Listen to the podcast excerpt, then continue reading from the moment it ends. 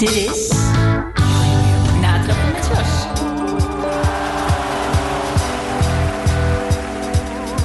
Ja, een hele goede middag. Het is weer maandag. 4 uur betekent dat we weer gaan natrappen. Mijn naam is Jos Lemmens. Leuk dat je weer luistert. En eh, bij mij in de studio, zoals altijd, mijn vaste sidekick en tevens vader. Ik zal het nog maar eens een keer eh, erbij zeggen. Philip, welkom. Goedemiddag. Goedemiddag. Hey, het gaat eigenlijk wel goed met de show, hè? Als ik zie hoe eh, makkelijk dat we tegenwoordig te vinden zijn. Want we hebben ook de webcams aanstaan op RTV Maastricht zelf, kanaal 40 op Ziggo. Daar kun je ons zien via de app, via de website en de ether. Nou, geen reden eigenlijk meer om niet te luisteren of op- om ons niet te vinden.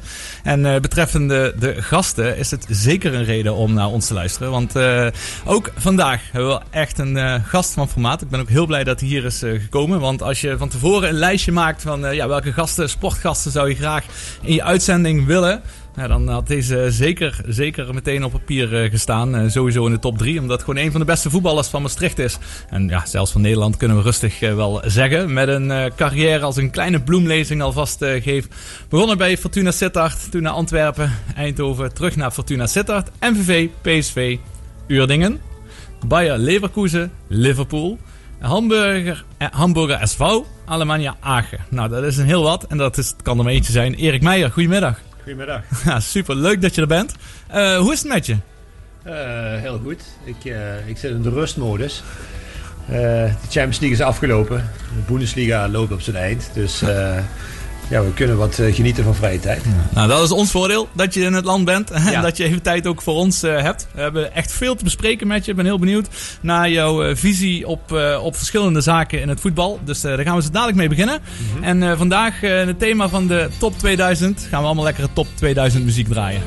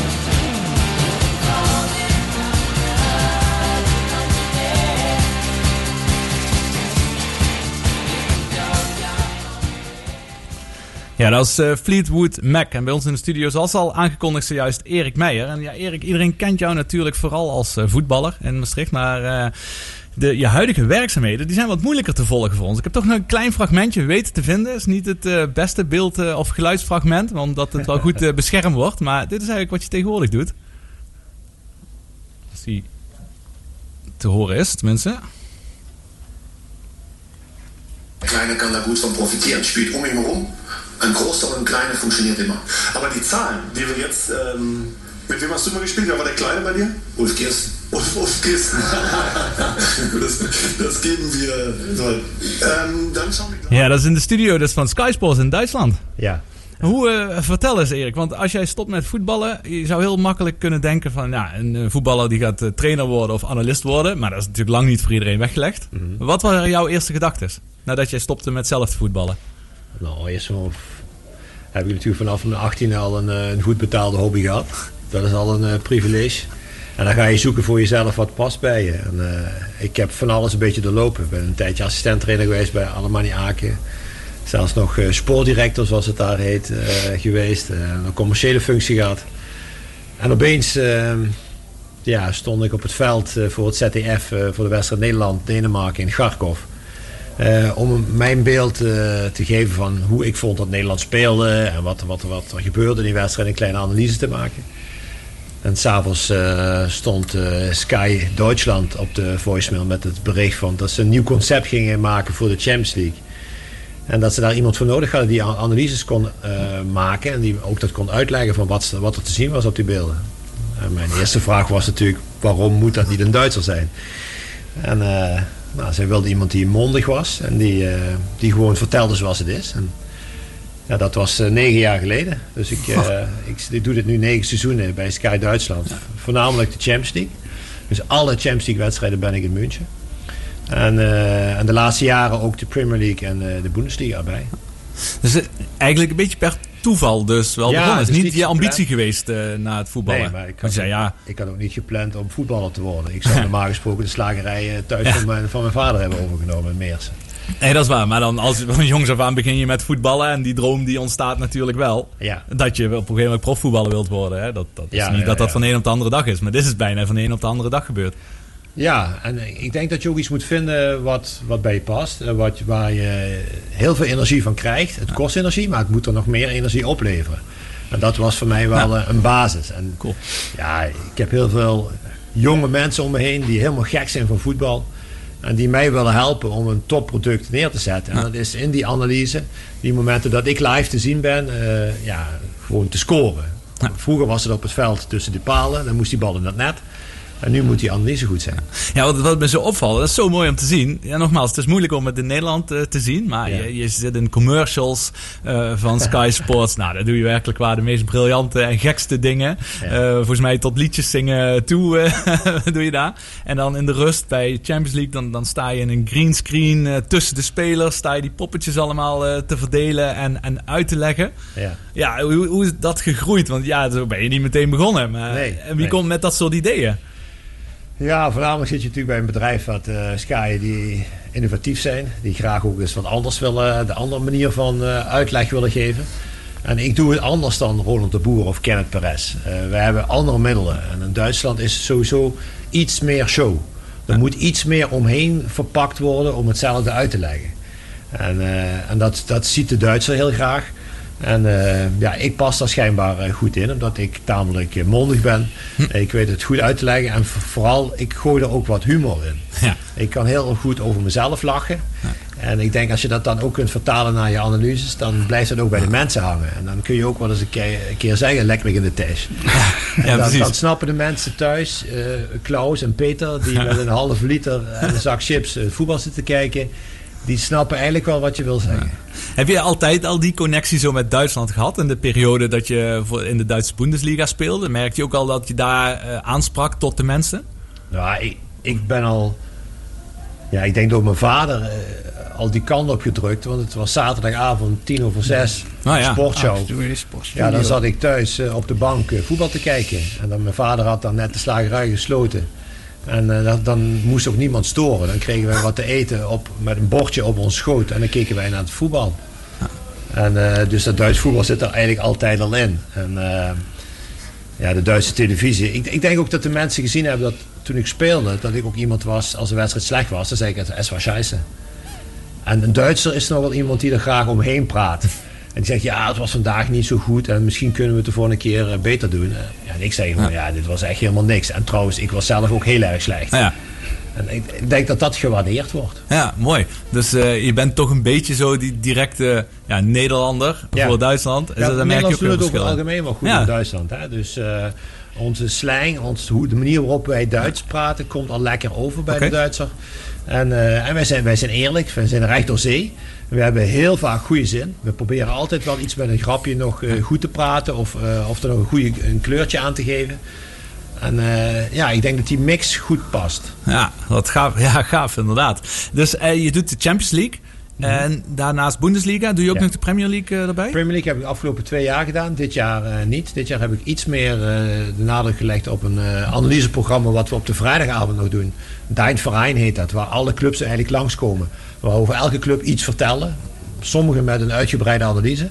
Anderen met een, een, een praatje over hoe de situatie is, tegen wie ze spelen, wie er geblesseerd is. En ja, dat is een soort 90 minuten durende talkshow. Ja. Ja. Ja, gaaf hè, hoe dat, eh, hoe dat ontstaan is. Daar, Mhm. En inderdaad, als je die beelden ziet.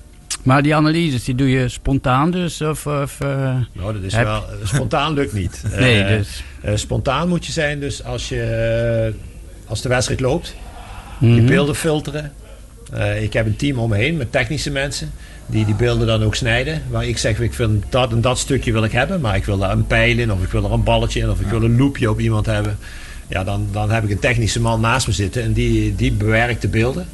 Die zorgt ervoor dat het piekfijn uitziet op tv. Maar ik moet mijn tekst hebben. Ik moet weten wat ik ga vertellen. Ik moet de mensen duidelijk maken in drie zinnen waar het probleem ligt en waar de oplossing ligt. Maar dat is van jezelf, die tekst. Ja, dat is mijn eigen tekst. Daar komt niemand aan. Ja. Maar. Voor de wedstrijd heb ik wel tijd genoeg om die analyse erg goed voor te bereiden. Ja. En dan weet ik ook precies hoeveel minuten ik krijg om een Ja. analyse te laten zien. En dat, dat helpt wel. Ja, dat is duidelijk. Maar dan heb je maar 45 minuten waarin iets gaat gebeuren wat, je- wat niemand van tevoren weet.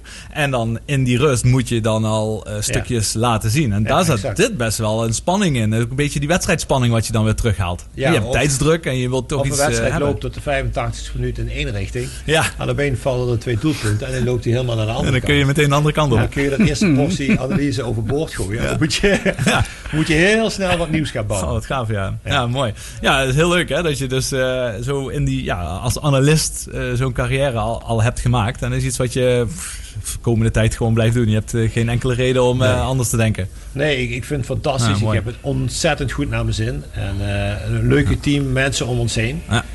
En eh, de zender heeft ook eh, er vertrouwen in. Dus eh Dat is altijd... we eh, hoeven maar door. Dat is een goede, goede combinatie, Ja. is dat inderdaad. Ja, over goede combinaties gesproken, gaan we dadelijk eens even kijken betreffende coaches. Eh, hoe belangrijk dat die voor jou zijn geweest en het algemeen zijn voor eh, een voetballer.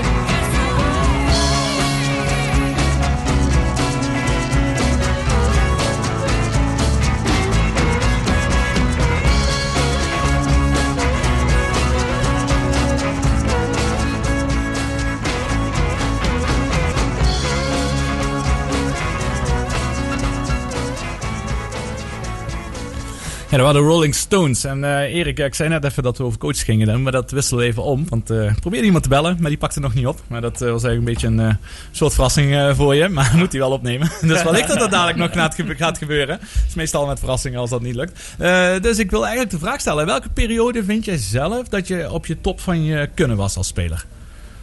Eh, nou, ik denk dat wel twee fases heel belangrijk waren. Eh, ik denk zeker de fase bij MVV. Toen ik het eh, vertrouwen kreeg van, eh van Vergoosen, die me van eh, FC Antwerpen weghaalde. Waar ik onder contract stond om voor MVV te gaan spelen. En Zef heeft echt enorm veel tijd en trainingsuurtjes in mij geïnvesteerd. En ik kwam daar in een team waar gewoon ja, allemaal, jongens onder elkaar zaten die samen het verschil konden maken. Individueel waren we goed, maar niet goed genoeg om Ajax, PSV of Feyenoord te pakken. Maar samen konden we dat verschil wel maken. En, eh, ik denk dat dat een belangrijke fase was. En dan eh, ja, Bayer Leverkusen, elk seizoen bovenin de Bundesliga meespelen. Ja. Eh, 90% van de wedstrijden vanuit de basis spelen. Ik denk dat dat wel eh, de, de, de belangrijkste jaren waren. En als ik nu die Erik Meijer van toen zou kunnen oppakken. En ik zou hem nu in een willekeurige club kunnen plaatsen in de huidige tijd van nu. Waar zou ik dan die Erik Meijer kunnen plaatsen? Eh, heeft die Erik Meijer dan de ervaring als analist wat hij nu heeft eh, als voetballer? Nee, maar het gaat mij Dat eigenlijk zou de, wel de, enorm helpen. de onderliggende vraag is eh, daarin. Wat is de evolutie van het voetbal? Als je het Ja. hebt over toen je speelde rond eh, 93, eh 95, et cetera. Nou, dan zeg ik Ja. tussen 95 en 2000. Hè? Zal ik die periode even noemen? Ja. En ten opzichte waar we nu zitten in 2020. Ja, kijk maar eens terug op, op YouTube. Met welk tempo wordt er nu gespeeld en welk tempo speelden wij? Ik denk dat daar wel een groot verschil in is. Het tempo is anders. eh, de kwaliteit van bal, schoen, veld is enorm verbeterd. Ja? Eh, spelers zijn veel fitter geworden. Eh, er wordt veel meer aandacht besteed aan eh, hoe is de belastbaarheid. En eh, hoe is het herstel ook na, na en voor trainingen. Eh, ik denk dat dat veel verder is dan in de tijd waar wij waren. Maar je kunt het ook anders omdraaien en zeggen: wat wisten wij? Wij gingen ervan uit dat wij de max al uit, eruit haalden. Ja. Maar er was ook heel veel gewoon niet bekend. Dus iemand floot en dan liep je vanaf de parkeerplaats eh, in het bos op Sint-Pieter. En dan begon iedereen gewoon keihard te rennen. Totdat de trainer weer floot en we stopten met lopen. Ja, dat wordt tegenwoordig niet meer gedaan. En dat, eh, ja, je kunt het niet met elkaar vergelijken, maar het tempo is wel enorm omhoog gegaan. De technische vaardigheden bij de jongens is enorm stukken beter geworden.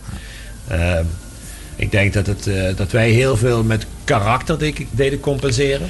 Dat die jongens nu enorm goed geschoold zijn.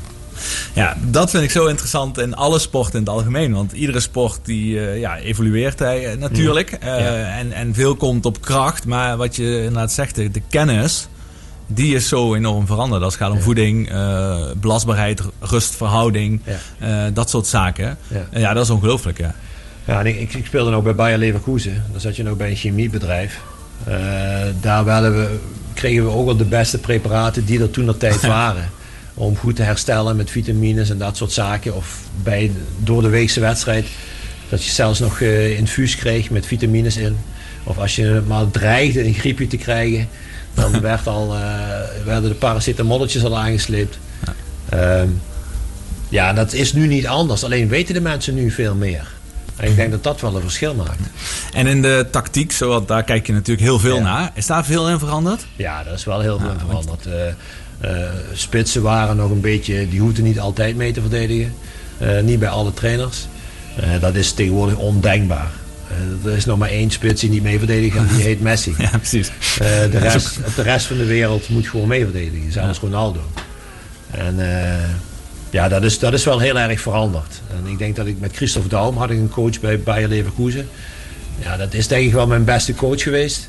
En die, ehm, ja, die was toen al heel modern bezig met voorchecking, eh, met op bepaalde plekken op het veld eh, druk zetten, zodat de tegenstander de problemen kwam. En wij vroeg de bal veroverden, zodat wij een korte weg naar de goal hadden. Ja. Ja, en dat zie je nu heel erg terug bij heel veel andere coaches. Ja, want iets wat- mij opvalt als ik het zie is eh, de functie van de backs. De rechts- en linksback Ja. positie. Ja. Vroeger Volgens, volgens mij, als iemand niet zo heel goed kan voetballen, zet hem maar links of rechtsback. Als hij maar kan rennen. Maar tegenwoordig zijn dat bijna de belangrijkste aanvallers. Nou ja, Of in, ja. in de Bundesliga had je natuurlijk altijd wel mensen die goed konden lopen. En je moet, ze moesten een goede conditie Mhm. hebben. Je moest heel sterk zijn om daar eh, overeind te blijven. En ik had bijvoorbeeld bij Bayer Leverkusen Jan Heijns als, als linksback. Nou, die kwam dan acht keer per wedstrijd tot aan de achterlijn. Ja. Dat was toen al iets, een sensatie. Goh, dat is echt iemand die denkt offensief. Nu is dat een normaal vereiste van Robertson bijvoorbeeld bij Liverpool. Ja. Ja, mooi is dat, hè, hoe dat, eh, hoe dat gaat. Maar zeker die, die, die snelheid en, en techniek, dat dat zo enorm veranderd is. Ja, ik vind het zelfs soms moeilijk om dat te zien. Daar kijk ik misschien niet genoeg voetbal Ja, ik eh, weet niet wat toen het record op de 100 meter was. Dat was misschien rond de 10 seconden. En nu is dat 9,6. Dus als je dat een vergelijking pakt. De mens evalueert zich. Het wordt. Ja. steeds beter, sneller, atletischer. Als die jongens het shirt uittrekken, ja, dan, dan schrik je je kapot. Er zitten echt topsportlichamen onder. Dat, dat gevoel hadden wij toen ook. Alleen was onze krachthonk was er niet. Mhm. Dus we deden alles op het veld. Ik denk dat wel dat wij misschien eh, qua karakter iets meer konden compenseren. Dat wij iets meer eh, over, die, over die kwaliteit kwamen. Want dat is voor mij ook talent. Karakter is het misschien wel het allerbelangrijkste talent wat je moet hebben Ja. om überhaupt eh, zo ver te kunnen komen. Naast dat je een, ordentelijke voetballer bent. Maar door heel veel te trainen kun je heel ver komen. Ja. Nou, nu laatst bijvoorbeeld eh, Maradona overleden is, dan komt weer die discussie. Oh, is misschien wel de beste voetballer ooit. Maar dat, is dat puur sentiment? Dan moeten we dat allemaal in perspectief van tijd plaatsen. Nou, ik denk dat hij ook wel in deze tijd een van de Ja? zou zijn geweest. Ja, Ja. dat is cool. Ik, als voetballer vind ik hem geniaal. Als mens natuurlijk een absolute nul. Eh, met, zijn, met zijn drugs, met zijn alcohol, met zijn schieten op journalisten. Dat, Ja. ja. en iedereen is maar oh, Maradona dit en dat. Voetballer, ja, ben ik 100% eens. Maar er is nog meer dan alleen een voetballer. Ja, daar kan ik helemaal mee, ben ik helemaal met je eens. Dat zie je natuurlijk in andere sporten. eh, sommige grootheden zoals Roger Federer, Rafael Nadal. eh, dat zijn natuurlijk ook eh, niet alleen boegbeelden op de baan. Maar ook daarbuiten. Ja, in en hun eh, privéleven en Ja. hoe eh, ze met mensen omgaan in het algemeen. En ja, in het voetbal heb je dat eh, helaas denk ik wel wat vaker. Maar er zijn natuurlijk ook heel veel voetballers. Heel veel goede voorbeelden bij. Ik Ja. denk dat, zoals je dat nu ook ziet, al die jongens, al die topspelers hebben allemaal een eigen stichting waar ze andere mensen Ja. die het moeilijk hebben mee Helpen. Mhm. En er wordt altijd wel gekeken naar hè, wat doet hij en wat verdient hij voor heel veel geld. Maar er gaat ook heel veel geld naar dat soort projecten. Als die jongens dat niet zouden doen, dan zouden heel veel projecten problemen hebben. Ja, want als je het daarover hebt, we hadden een aantal weken geleden met Sander Kleikers. Die had als sportmoment, die was een beetje aan het opwinden eh, over eh, een Messi en Barcelona in het algemeen. eh, dat die een, een salaris moesten inleveren, maar dat bijna niemand dat wilde doen. Ja. Terwijl ze zoveel geld deden verdienen. Hoe kijk je daar tegenaan? Ja, ik denk dat ik met Sander wel een klein beetje eens kan zijn. Ehm, als je zoveel geld verdient, dan denk ik ook wel dat eh, als je dan 50% inlevert, doet het je nog geen pijn. Nee, nee inderdaad. Hoe, zie je, hoe kijk je naar die situatie bij Barcelona? Gaat dat spannend worden? Ja, dat blijft altijd spannend, want de spotlight staat altijd op Barcelona. En men- wij zijn gewend dat Barcelona wint. En als Barcelona niet wint, dan, eh, weg, dan vliegt of de trainer Mhm. of een aantal spelers. Ja. Ik denk dat onze gast een bel is. Gaan we eens kijken of we die erbij kunnen halen. Goedemiddag. Goedemiddag. Met, wij, wij spreken met Cookie Voren als het goed is, hè? Ja. Ja, fantastisch. Ik heb eh, Erik Meijer in de, in de studio. En eh, ik wilde net met hem beginnen over eh, hoe belangrijk dat trainersforum zijn. Dus eh, dat, dat gaan we gewoon meteen eh, daarbij halen in plaats van wat muziek te draaien. Doen we daar al twee liedjes achter elkaar. Want ik ben veel te blij dat we je aan de telefoon hebben. Maar eh Cookie, als ik jou vraag, want jij hebt Erik eh, zien opkomen bij eh, Fortuna Sittard. Wat, voor, wat dacht je toen, toen je Erik eh, zag spelen? Ja, toen ik Erik zag spelen, toen was hij nog jong, hè. Dus, eh, en ik, ja, ik, ik ging hem vaak ophalen met de auto. En eh, ja, eigenlijk onder, eh, onder bij mij, zeg maar, heeft hij zijn debuut gemaakt bij Fortuna. Want eh, ik kan me nog goed, heel goed herinneren dat hij zich een keer een, eh, de hele tweede helft moest warm lopen van Van Doornenveld. En hij kwam niet erin. En ja, Erik kennen, daar was hij niet blij mee.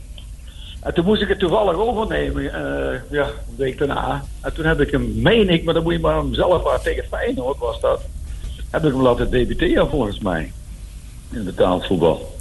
Ja, dat klopt. Hey Cookie, Ja jong, dag jong. Goed vreeswoorden. zie je het dat? Zie je dat? Ja, zeker. Ja. Ja. Nee, maar dat is waar. Cookie haalde mij op. Ja, dat Ik- klopt, Ik woonde in Berg. En dan kwam hij via Ja. Meersen. En dan stond ik dan met de sporttas eh, aan de straat en dan werd er getoeterd. En dan stapte ik in en dan even naar, naar Sittard. Dus Oh. zo, zo kan profvoetbal ook. eh, Fantastisch. Dus Koekie is ook echt een belangrijk persoon voor je geweest. ja, als hij niet eh, vanuit Berg langs Meersen was gereden, dan weet ik niet hoe ik uit Sittard was gekomen. Ja, maar dat is nee. ook voor de start. Ja. ja. Buiten het feit dat Koekie ook nog iemand was die, eh, als je hem aan hem vroeg van na de training, van ik zou nog wel graag een paar ballen op de willen koppen of schieten of wat willen afwerken op goal. Dan stond hij al klaar met de ballen. En, eh, ja. dat geluk moet je hebben dat je dat Ja. soort mensen tegenkomt. Ja, want Koekie was Erik ook zo iemand die echt die eh, arbeidsethos had, eh, meer Ja, dan zeker, anderen. Zeker, ja. Ja, meer dan anderen. Ja, er waren enkele verbonden had dat on, eh, onder andere ook. Maar eh, maar Erik was echt zo'n type, ja, die, ja, die enorm veel erover heeft gehad. En daarvoor heeft hij, eh, zeg ik, maar ja, eh, laten we zeggen, dit is geen type van een Messi bij wijze van spreken. Maar door zijn instelling heeft hij de, de top gehaald. En daar heb ik enorm veel bewondering voor gehad altijd. Ja. Ja. Ja, ja dat is wel... Ja, mooi is dat, ja. Maar ehm, oké, ik kan niet alleen, alleen maar complimenten geven natuurlijk hier. Hè? Nee. maar eh, toen je hem zag, eh, zag spelen, had je toen al echt een gedachte van ja, dat zou wel eens zelfs tot aan eh, Liverpool door kunnen gaan. Of is dat altijd moeilijk toch te zeggen met jonge talenten? Ja, dat is sowieso moeilijk te zeggen met jonge talenten. Maar ik wist wel dat hij de drijf had om, om erg ver te komen. Maar daar moet je altijd een beetje geluk bij hebben. En nogmaals, het heeft hij zelf afgedwongen door, door, door zoveel arbeid erin te stoppen. Ja, en nogmaals, eh daar kan je ook heel ver komen. En, het, en hij, eh, dus, ja, hij heeft dat toch bereikt. En uh, daar zijn er niet zo heel veel die dat hebben, hoor, wat dat betreft. Ja, zeker. Erik, is een coach, is die juist belangrijker in het begin van iemand zijn profcarrière of ook aan het einde van eh, als iemand op zijn top eh, zit?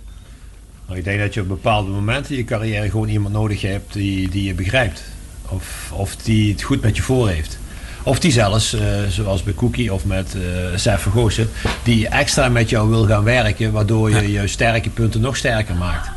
En dat soort coaches heb je nodig. Of soms heb je ook wel iemand nodig die gewoon naar je luistert. En, eh, eens even luistert wat, wat eigenlijk te vertellen is. En een ander moment heb je iemand nodig die je keihard de waarheid vertelt. Zoals Chris Dekker dat deed toen ik in de A-jeugd speelde bij Fortuna. Door me gewoon te vertellen dat ik niet alles op karakter moest doen en overal over het hele veld moest zwerven. maar dat ik op het juiste moment voor de goal moest zijn. En ja, dat werkt dan ook. Dat vergeet je nooit meer, dat gesprek. Ja. Ja, Ik vind, het, ik vind het wel leuk, moet ik zeggen, dit. Dat vind ik echt leuk. Dat doet me nog echt goed hoor trouwens. Ik ben nou eh, aan de andere kant natuurlijk. En eh, ik moet eerlijk zeggen, ja, ik kom hier af en toe nog wel eens tegen. En dan vind ik, het, ja, ben ik zelf op mijn eigen ook een beetje trots dat ik eh, ja, met hem heb mogen samenwerken. En dat ik een klein beetje, klein beetje, zo moet ik maar zeggen, eraan geholpen heeft dat hij dat bereikt heeft. ja, ik kan me voorstellen. Maar ja, je hebt natuurlijk zelf ook echt een hele mooie carrière gehad. Als je Ja. bedenkt waar je helemaal geweest bent, tot aan de finale van het wereldkampioenschap Ja. eh, aan toe. Eh, ja, wel extra mooi, hè, Erik, dat, dat iemand die zoveel gezien en eh, zoveel ervaren heeft, hè, dat hij dan ook voor jou toch wel eh, een en ander heeft kunnen denk wat betekenen. Koek over mij zegt, over dat je met karakter heel ver kunt komen. Ik denk ook met charisma en de manier zoals je bent als mens. Dat je daardoor ook eh, met andere mensen raakt. Ja. En dat was ook een hele grote, een sterk pluspunt van, van Koek. Hij kon door zijn manier van doen en zijn enthousiasme en zijn energie wat hij uitstraalt, kon hij jou ook nog motiveren. En als hij dat met mij kan, dan kan hij dat ook met Wesley Sleider of met iemand die de Jong heet. Dat, dat maakt dat niet zo heel veel uit. Dan kom je bij iemand aan en hij merkt, er is iemand die heeft iets voor mij over. En, en ja, dat, dat waardeer ik. Ja, gaaf. Want eh, dus het is echt niet alleen maar er moet een grote naam staan. Want dat wordt vaak gezegd, hè. Er moet een grote naam staan, want anders luisteren spelers eh, dan niet naar. Maar dat is, is dat niet zo, Cookie? Nee, dat is niet zo. Ik, ik, ik er een heel mooi voorbeeld eh, van gegeven toen ik... Ja, ik heb trouwens, hetzelfde, met- iedereen moet dat in het leven hebben. Ik heb natuurlijk ook het geluk gehad dat, dat ik Van Marwijk heb leren kennen bij Fortuna. En daardoor ook een fantastische carrière heb kunnen maken. Maar om even terug te komen op wat, wat Erik zei, dat vind ik heel mooi. En dat, dat, dat, dat, vind, ik, dat vind ik ook het belangrijkste in het leven. Toen ik bij het Nederlands elftal kwam, ja, eh, ik weet nog goed dat eh, we werden voorgesteld, ja, Frank de Boer 105 interlands, eh eh, Philip Cocu 102 interlands, eh Ruud Hess de keeperstrainer 65 Barcelona. En ik had één keer het Lemmer zelf al gespeeld. dus ja, wie, wie is Cookie voor dan? Hè? Maar ja, op een gegeven moment toen ik eh, een paar maanden met die jongens aan de gang eh, was gegaan, ja, toen hadden ze, ja, toen, toen inderdaad die klik, die had ik meteen ook met die jongens. En, en tot nu toe nog, eh aan van der Vaan en zo, en, en die gasten nog wel eens op. En dat, dat vind ik de beste, en dat is typisch wat eerlijk, Erik ook zegt, en dat heeft hij daardoor ook door bereikt. ja, ik vind dat je met mensen moet kunnen omgaan. Maar goed, dat is, dat is helemaal je karakter. En dat, dat, dat kan je zelf niet maken. Dat, dat, dat zit er helemaal in. En ja, dan ben ik blij dat ik zo ben, laat ik het zo maar zeggen. Nou, nou leuk. Hoe is het eh, in de huidige, tijd met je Cookie? Ja, heel, heel vreemd moet ik zeggen. Ik, eh, ik moet zeggen, ik mis de sociale contacten. En eh, ja, het is een moeilijke tijd voor mij. Want als je een beetje op leeftijd bent, denk je elk jaar is, is, is een jaar wat je, wat je eigenlijk niet kan profiteren in, wat je graag doet allemaal. En dat heb ik wel moeite mee af en toe, ja. Ja, natuurlijk als, als coach van eh Bekkerveld. Ja, dat ligt natuurlijk ook eh, stil eh, nu. Want dat is niet, neem ik Ja, aan, ook nog ja. steeds je passie om op het veld te staan met de jongens. Ja, ik heb, ik heb nou juist pas bijgetekend. Dus dat is ook alweer het achtste jaar wat dat wordt. En eh, ja, ik vind het gewoon prettig en fijn om nog te doen. Mooi. Tussen de mensen in te zijn. En ja, daar voel ik me ook nog jong door. Dus, Blijf dat maar lekker doen, Cookie. Ja, ik vind het nog heerlijk hier. Met- En af en toe speel ik nog wat tennis, voetbal en dan winnen ze er niet. Ja. Oh, heerlijk. Lul. Heerlijk. Hey, eh, super. Cookie, super leuk dat je even terugbelde. Of dat je even wilde Ja. inbellen. Eh, hartstikke leuk om even met jou en met Erik daar samen over te spreken. En eh, ik zou het eigenlijk wel heel leuk vinden als je ook eens een keer de, ga- de gast zou willen zijn hier eh, in onze uitzending. Om over jouw carrière en je visies dan eh moet te dan moet je spreken. Maar wel bellen dan. Hè? Ja, dan gaan we zeker Erik bellen dan. Ehm daar houden we buiten de uitzending nog wel, eh, daar houden we nog wel contact over hoe we dat eh, gaan regelen. Maar ik zou het heel leuk vinden. Je mag me altijd bellen. Ik vind het best zelf ook leuk om te doen. Dankjewel, Cookie. Blijf gezond, Koek. eh, prettige feestdagen allebei. Jo, Ja. hoi ja. Groetjes Goeie toes. gezondheid, hè. Hoi, hoi. Hoi.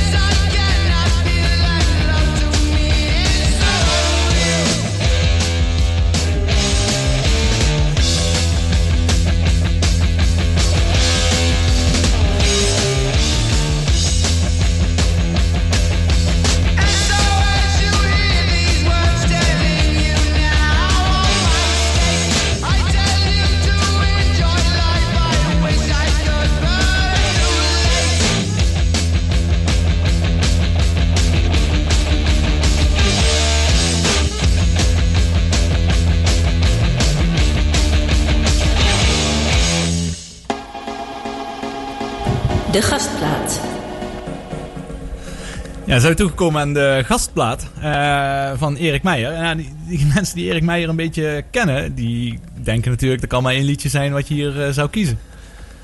You never walk alone. ja, dat zou op zich eh, voor de hand liggen dat je You Never Walk Alone kiest. Want je geeft ook heel veel presentaties. Echt Ja. super inspirerende en mooie presentaties zijn dat. En daar sluit je altijd af met de hele zaal You Never Walk Alone te laten zingen. Ja. Eh, vertel eens, voordat je bij- je echte gastplaat aankomt, even hoe belangrijk is dat liedje voor je? Of wat doet dat nog steeds met je? Ja, als klein mannetje in Meers in de Sint-Joosstraat had je één keer per jaar eh, internationaal CQ Engels voetbal. En dat was als de FA Cup final was. En voor mijn gevoel stond Liverpool die jaren altijd in de FA Cup final. En Ian Rush was de spits. Ja, en ik wilde ook zo zijn. En dat lied You Never Walk Alone, ja, dat is blijven hangen. Ik denk dat, dat dat moet je een keer meemaken. Zoals die kinderen nu opgroeien met Barcelona en Real Madrid. eh, groeide ik daarmee op. En eh, ja, dat is altijd bij me gebleven. En ik had twee dingen die ik graag zou willen bereiken. Dat was ooit een keer voor Nederlands elftal spelen en ooit een keer voor Liverpool. Ja, Dat is- dat allebei alle- gelukt. Dat is allebei gelukt. En ja, toen ik You Never Walk Alone, toen ik de eerste keer mocht spelen daar. Ja. eh, thuiswedstrijd tegen, tegen Leeds. Ja, dan, eh, dan weet je pas wat dat voor een liedje is. Eh, je moet het ervaren en ook voelen. En steeds als ik het hoor, heb ik, eh, heb ik kippenvel. En dat, dat zal ook wel voor altijd blijven. Nou, je liep in de basis, liep je het veld op daar. Ja. Ja, volle bak, ik vol stadion. Ik ben 1,89 en ik had het gevoel dat ik 2,10 meter was. Ja. Ja, echt? Nou, dat vroeg ik me ook af, hè. Want, Adrenaline is dat. Ja, want er zijn zoveel mensen om in zo'n stadion, zoveel geluid daar. Ja. Het is, er zijn toch ook genoeg eh, mensen die daardoor helemaal eh vriezen, helemaal blokkeren, ik of niet? er alleen maar beter van. Fantastisch is Hoe dat, hè? drukker het werd, hoe meer druk, Meer eh, hoe, hoe meer mensen in het stadion, hoe belangrijker de wedstrijd, hoe, hoe, hoe beter ik ging spelen. Ja, geweldig. Ik, ik, vond, ik had dat nodig. Ik Ja. vond ook de interactie met het publiek enorm belangrijk. Ik, Ja. misschien een beetje dat gladiator-achtige idee, want dat je de mensen iets wil bieden. Ja, En, precies. eh, ja, in een hele verlaagde vorm doe ik dat dan nu bij de televisie. Ja, dat, dat zie je niet. Ja, dat je biedt meer dan genoeg. Maar je ziet niet hoe het binnenkomt of wat het direct met de mensen doet. Met zo'n stadion, Nee, nee. weet je, iedere beweging die je maakt. Dat is echt Gladiator, hè? Iedere Ja. beweging die je maakt, alle goede acties. Dan hoor je dat geluid omhoog komen. Dat Ja, moet en- fantastisch zijn. En het mooie als je er natuurlijk ook nog voorin speelt. Eh, Ja. Af en toe kun je ook nog die satisfaction halen. Hè? Maar ja, die genoegdoening als je, als je scoort. Of als je iemand laat scoren. ja. Eh, als verdediger is dat iets lastiger. Nee, Eh, uiteraard. als aanvaller kun je nog wel een keer je handen in de lucht gooien. Of in een tribune springen toen dat tijd. Ja, ja, precies. eh, Ja. ja, dat, dat, is, dat is het mooiste wat er is aan sport. Om, Ja. om samen met alle andere mensen om me heen, en daarom ben ik ook een teamplayer, Ja. eh, te genieten van, van, van overwinningen. Maar ook samen helemaal naar de kloten te gaan als je verloren hebt. Dat hoort er ook bij. Dat, het kan ook heel mooi zijn achteraf, hè? Ja. Achteraf zijn er ook heel mooie ervaringen. Hoeveel, Ja. hoeveel pijn dat je hebt na een eh, verloren wedstrijd. Maar jij wil natuurlijk weten waarom ik dat ander liedje Daar ga ik nu naartoe, ja. Ja, eigenlijk eh, is dat lied net zo lang als van de hoteldeur van het hotel in Aken tot en met het stadion Tivoli. En als het druk was op straat, dan speelde ik gewoon nog een keer. ja, ik heb daar gewoon drie superjaren gehad in Aken als, als speler. eigenlijk. En dat, in, de, in de winter van mijn carrière nog eh, daar mogen spelen. En eh, ja, met, eh, met een, met een bekerfinale, met Europees voetbal en met een promotie naar de Bundesliga mogen afsluiten. Ja, en steeds was dit het lied dat ik draaide in de auto. Meestal zat ik alleen in de auto. Van Hotel Kwellenhoofd tot in het stadion. En als iemand meerijdt, dan zei, zei ik al van tevoren... eh ja, we moeten wel rekening mee houden, dit gaat keihard. En er wordt ook niet meer gesproken in de auto. En dat was voor mij de ultieme motivatie om eh, de opbouw naar 90 minuten volle bak gaan. En dan zien we op het einde wel of we gewonnen of verloren hebben. Ja, ja heel mooi. Gave opbouw er naartoe. Dan weten we ook precies hoe lang het eh, is om in het stadion te komen. Super gaaf. Nou, kondig hem zelf maar aan dan. Dit is eh, U2. Ja, We're the Streets.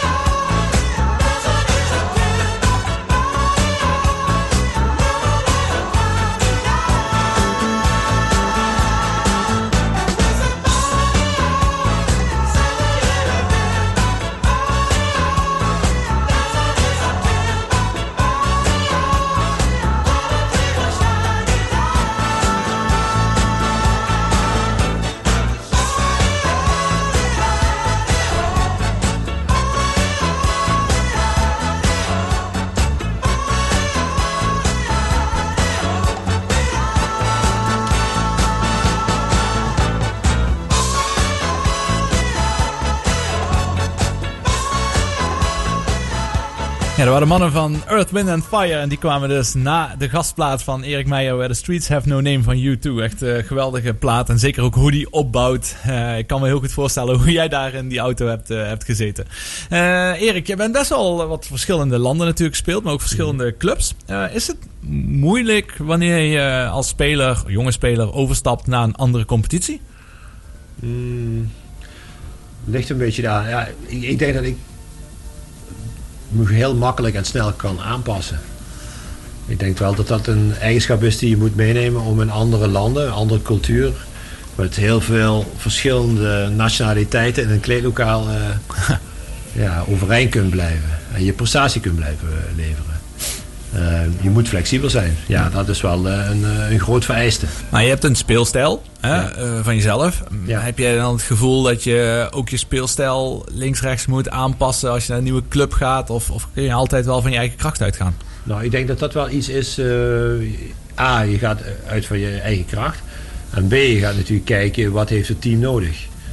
Ik kwam naar Leverkusen en dat was Ulf Kirsten de absolute ster. Voormalig Oost-Duits speler van het nationaal team. Speler van het nationaal team van Duitsland. Die grote meneer in Leverkusen. Ja, die ga ik niet vertellen dat hij naar links en rechts moet lopen en ik in het midden moet blijven. Dus dan moet je hem een beetje marchanderen en met elkaar proberen tot een, tot een goede uitslag te komen. En eh, ja, dat, dat werkt. Eh, als, je- als je jezelf dan maar een klein beetje aanpast. En dat probeer ik ook in mijn lezingen die ik, die ik geef door de landen. En voornamelijk ook in Duitsland. eh, is dat je, je moet jezelf af en toe een beetje aanpassen. Zonder dat je je sterke punten te veel laat vallen. Ja, cool. Want je bent op dat niveau gekomen omdat je bepaalde sterke punten hebt.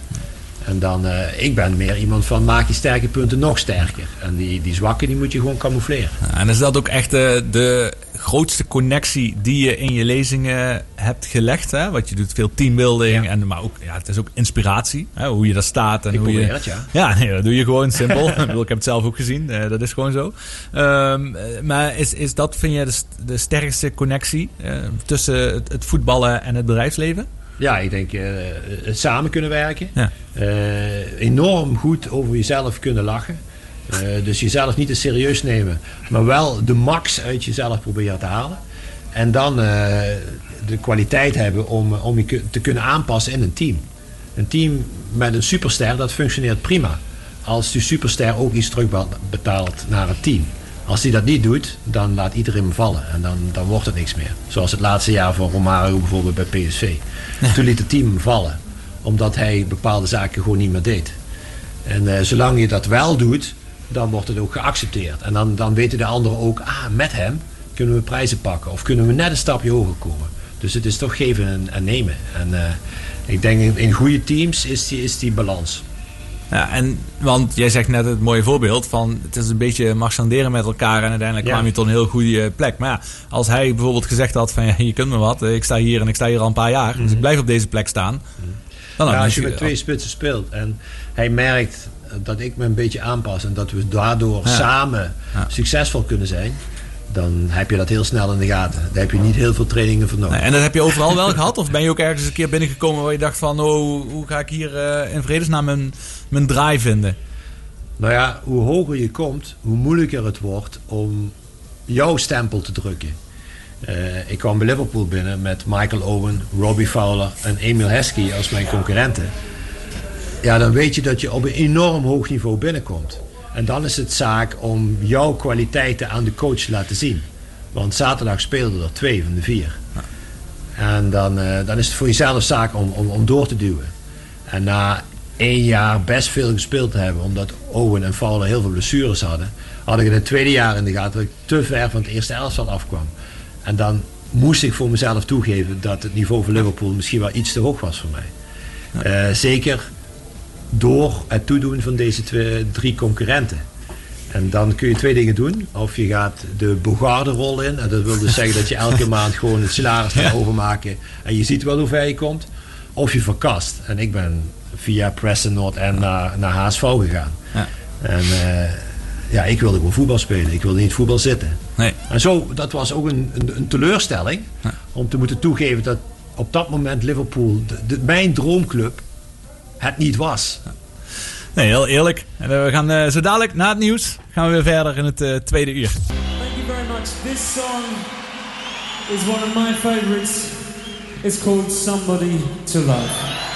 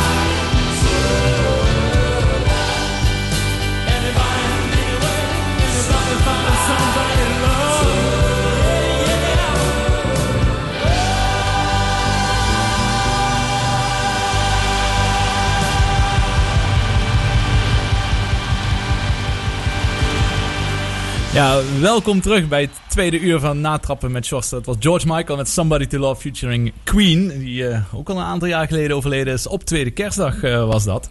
Eh, Erik, welkom weer nog steeds in het tweede uur hè, als gast in de studio. Ehm, je hebt natuurlijk meer dan honderden medespelers gehad. ja. Hoe blijven daar toch vriendschappen uit ontstaan? Hoe, hoe gaat dat over het algemeen? Als je zoveel mensen om je heen hebt gehad. Nou, als je eerlijk bent, eh, is het steeds weer een passage. Want na een aantal jaren verkast je weer naar een nieuwe club. En dan land je weer in een kleedlokaal waar al een eh, hiërarchie is en waar al een aantal mensen al zitten. En dan, ja, dan rol je daar zo in. En dan ontstaan er vriendschappen voor dat moment. Maar zo gauw je uit elkaar gaat, eh, wordt dat ook weer, ook weer minder. Ja. Ik denk dat we bij elke club wel een aantal mensen hebben waar je nog contact mee houdt. Maar het merendeel niet. Ja, en dan vanuit Maastricht, als je terugkomt, eh, blijft dat dan sterker? Ja, ik, ik- ik denk ook omdat je daar nog een Limburgse band mee hebt. Ja. Eh, eh, Roberto Lancourt, daar heb ik, ja, dat is gewoon een vriend. Daar heb ik heel veel contact mee. Dan gaan we morgen nog een mooie check uitreiken voor, voor het goede doel. Eh, Reginald Tal, ja, daar kom je niet omheen. Die stalkt me eigenlijk al, eh, al jaren. Met die route mol. Ja, ik denk dat in Limburgs heb je de meeste con- contacten nog. Omdat je die jongens natuurlijk ook vaak kunt zien. Omdat Maastricht mijn eh, sociaal centrum is. Ja, Ik kom er wel uit Meersen, maar eh, Maastricht is mijn, mijn centrum. precies. Ja, het gelukkig het goede antwoord gegeven. Want Roberto, goedemiddag. Goedemiddag. ja, ja. Ja, joh. ja, dat is al eh, gelukkig eh, dat hij jouw naam wel even noemt, hè, Roberto. Want ik had het ook niet anders verwacht. Maar Ik wil eh, even mazzel hebben. ja, leuk dat je even ook in- inbelt in de, in de uitzending. Ehm, even over die periode van jullie twee eh, bij MVV. Eh leerden jullie elkaar toen kennen? Ja, absoluut. Dat was echt jullie Ja, kennismaking daar. Ja, zeker. Eh, we hebben in die periode uiteindelijk twee jaar met elkaar eh, samen mogen voetballen. En toen eh, ja, heeft Erik het hoger opgezocht. Heel, te- heel terecht. Ehm, maar we hebben toen inderdaad ja, twee hele mooie jaren gehad. ehm, qua prestaties eh, natuurlijk als, als MVV zijnde. Maar met name ook ehm, ja, de manier van voetballen. Hè. Het was heel offensief. eh, gericht op doelpunten te maken. Proberen eentje meer te maken als de tegenstander. Maar ook, ja, en dat is, dat is mede ook denk ik de reden dat, dat ik nu hier in die uitzending weer even gevraagd word. Dus we hebben toen eigenlijk ook een eh, vriendschapsteam eh, gehad, zeg maar, eh, met, met de vriendinnen en de vrouwen erbij. We gingen vaak in kleinere of grotere groepjes nog even de stad in naar de wedstrijden of in de sponsorruimte. Ja, het was eigenlijk in, in totaal geheel. eh, waardoor eigenlijk denk ik uiteindelijk ook de prestaties in die twee jaar zo goed waren. Ja, mooi is dat, want eh, jij hebt je grote, grotendeels bij MVV gespeeld, maar je hebt ook natuurlijk nog andere Eredivisieclubs eh gespeeld. Was dat echt een unieke periode voor jou ook in je carrière? Ja, absoluut. absoluut. Ja, goed, ik heb mijn, mijn, mijn opleiding bij PSV gehad. Dat, ja, dat zie ik als een andere periode, maar die heb ik ook als zeer waardevol en mooi ervaren. Heel veel gezien en heel veel geleerd. Maar die, die twee jaren zeg maar, bij, bij MVV, ja, dat waren eigenlijk... Ja, dat klo- alles klopte gewoon. Eh, en en ja, dat, dat heb je tenminste daarna eh, ja, niet vaak meer ervaren, laat ik het zo zeggen. Ja. Althans niet in die mate. En ehm kijk, winnen doe je natuurlijk helemaal samen. Eh, Erik, was Roberto vooral degene die vanaf de zijkant eh, jou veel deed bedienen? Nou, we hadden een spelstijl waar eh, achterin zat niet ons voetballend vernuft, zeg maar zo. Dus met allemaal Benneker en regionaal tal kwamen er regelmatig lange ballen naar voren. En dan heb je dus, als je een lange man voorin hebt, ik, heb je dus ook mensen eromheen die daarvan eh, moeten kunnen profiteren. En die, ook precies wisten van als de bal ergens zou vallen, dan moest die daar zijn. En Roberto was er zo eentje, Twan Schepers was er zo eentje, eh, Sies Hofman ook. En dat was eigenlijk meer de man van de vleugel. Maar Roberto was razendsnel, had een goede techniek en wist precies waar hij moest lopen. En eh, ja, zo'n tandem functioneert. Ja, maar dat is heel mooi. Want ik zie inderdaad dat je... Je hebt 49 keer eh, gescoord in eh, 288 wedstrijden in de Eredivisie, eh, Roberto. Dat is natuurlijk niet, niet eh, vervelend. Nee, nee, nee, zeker niet. Nee, maar ja, dit is precies eigenlijk wat Erik ook, ook, ook schetst. Hè. Je, op binnen, dat gaat toch intuïtief, je voelt elkaar aan. En, en eigenlijk op het moment dat die lange bal al onderweg was, ja, dan, dan ben je zelf al onderweg. En je weet dat Erik, eh, ja, 99 van de 100 duels, die won die. dus je kon, ook, ja, je kon ook echt gaan lopen, zeg maar. Eh, en, en ja, goed, en dat ontwikkelt zich. En dat ging eigenlijk ook door het team, ja, elkaar goed aanvoelde en iets van elkaar over had. Ja, ging dat natuurlijk ook nog steeds meer energie geven om in wedstrijden, zeg maar, ja, de, de dingen die goed gingen, nog meer uit te buiten. Ja. Is dat dan op een gegeven moment trouwens raar als zo'n team dan toch langzaam wat uit elkaar valt? Of Erik die eh, ging naar PSV op een gegeven moment? Ja, zeker. Ik bedoel, ehm, hè, als iets werkt en klikt en je hebt er succes mee, dan wil je dat liefst behouden. Hè. Dat is natuurlijk niet altijd, eh, ja, dat is altijd het moeilijkste. Op het moment dat je ergens eh, eh, succes hebt om dat vast te houden, dat, dat is gewoon eh, heel moeilijk. En dat is ook wel, ja, goed, niet alleen bij MVV die periode, maar ook, ja, dat zie je overal gebeuren. Ehm, en, en ja, op een gegeven moment, ja, als dingen veranderen in een team, kan zijn dat een trainer weggaat of bepaalde spelers die weggaan. Ehm, ja, dan, dan zorgt dat inderdaad voor verandering. En heel vaak gaat dat ook gepaard met minder succes. Mhm, En na afloop, jij bent eh, in het bedrijfsleven eigenlijk vrijwel direct eh, gestapt. Hè? Vooral bij ING, als ik het eh, goed heb. Ehm, heb jij altijd die ambitie gehad na je carrière? Of, of was er nog een kans voor jou of een wens om in het voetballen door te gaan? Eh, nee, niet echt. Ik heb eigenlijk altijd, ja, tijdens mijn carrière, inderdaad, tijdens de voetbalcarrière, altijd wel een beetje eh, gekeken naar wat daarna. Uh, daar ook de opleiding, EO, een deeltijd voor gevolgd. En dus voor mij was eigenlijk wel altijd duidelijk van, nou goed, na het voetballen ga ik inderdaad in het bedrijfsleven aan de slag. En dat is eigenlijk ja, binnen een hele korte tijd eh, ING geworden, waar ik nu inmiddels met veel plezier 18 jaar werk. 18 jaar alweer, hè? het gaat ook, al, eh, gaat ook snel door. En eh, waarvoor ik je ook even de telefoon eh, graag wilde hebben, voor jullie tweeën. Eh, jullie zijn een hele mooie eh, stichting inderdaad gestart. Eh, is dat Stichting Golf and Humor? Is dat Ja. ook de naam van de stichting? Nou, wat, wat kunnen jullie daar nog over vertellen? Wie mag het? Ja, jullie allebei. ja, Roberto is de voorzitter. Ah, kijk, dat is makkelijk, dat is makkelijk voor je. Kijk, kijk. Ehm, nou ja, dit, is een stichting die eigenlijk al sinds eh, 2007, ehm, ehm, ja, zeg maar, elk jaar probeert de kinderen die op een of andere manier het wat slechter hebben als, eh, als de gemiddelde kinderen, eh, te ondersteunen, financieel te ondersteunen, goede doelen die zich daarvoor inzetten te, te ondersteunen. En dat doen we eigenlijk door één keer per jaar een golftoernooi te organiseren. En op die dag proberen we zoveel mogelijk geld bij elkaar eh, eh, te verzamelen eh, door sponsoren deelnemers aan die dag, eh, door wat, eh, wat extra giften. En ehm, ja, elk jaar gaan we dan proberen zoveel mogelijk geld naar verschillende goede doelen in de regio. Dus je hebt de regio is dan eh, Aken, en Luik en Maastricht, dat is een beetje de driehoek. En daarbinnen hebben we, proberen we eigenlijk elk jaar, en dat is ja, ehm, eh, de afgelopen jaren steeds beter gelukt. Hè. We, we zijn eigenlijk elk jaar wel gestart met 15.000 tot 20.000 euro.